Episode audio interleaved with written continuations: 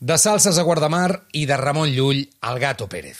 Del decret de nova planta a la llei verd i de la clandestinitat de les associacions nostrades fins a la intimitat de José María Aznar. Una història convulsa i brillant, que té tants revolts i muntanyes escalades com moments de lucidesa individual i compartida. Avui, el català el parlen 10 milions de persones, en contra del que la cronologia històrica calculava. Ara bé, la història de la nostra llengua és una història de rebel·lia – pels qui van prendre la paraula, som.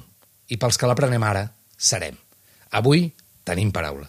La compartirem i la concedirem, però mai, mai l'entregarem del tot, perquè la paraula som nosaltres. D'ella venim i a ella tornem. Al llarg de la història ens hem expressat d'infinitat de maneres, però sense oblidar-la. Del David de Miquel Àngel o del sostre que va pintar a la Capella Sixtina s'han escrit milers de llibres, com també s'ha escrit de Chopin o de l'Acròpolis d'Atenes, perquè la qüestió fonamental de ser o no ser només es pot respondre amb paraules, del verb al nom, de la cita literària a l'espai en blanc i de la complexitat d'un assaig a la senzillesa d'un missatge breu.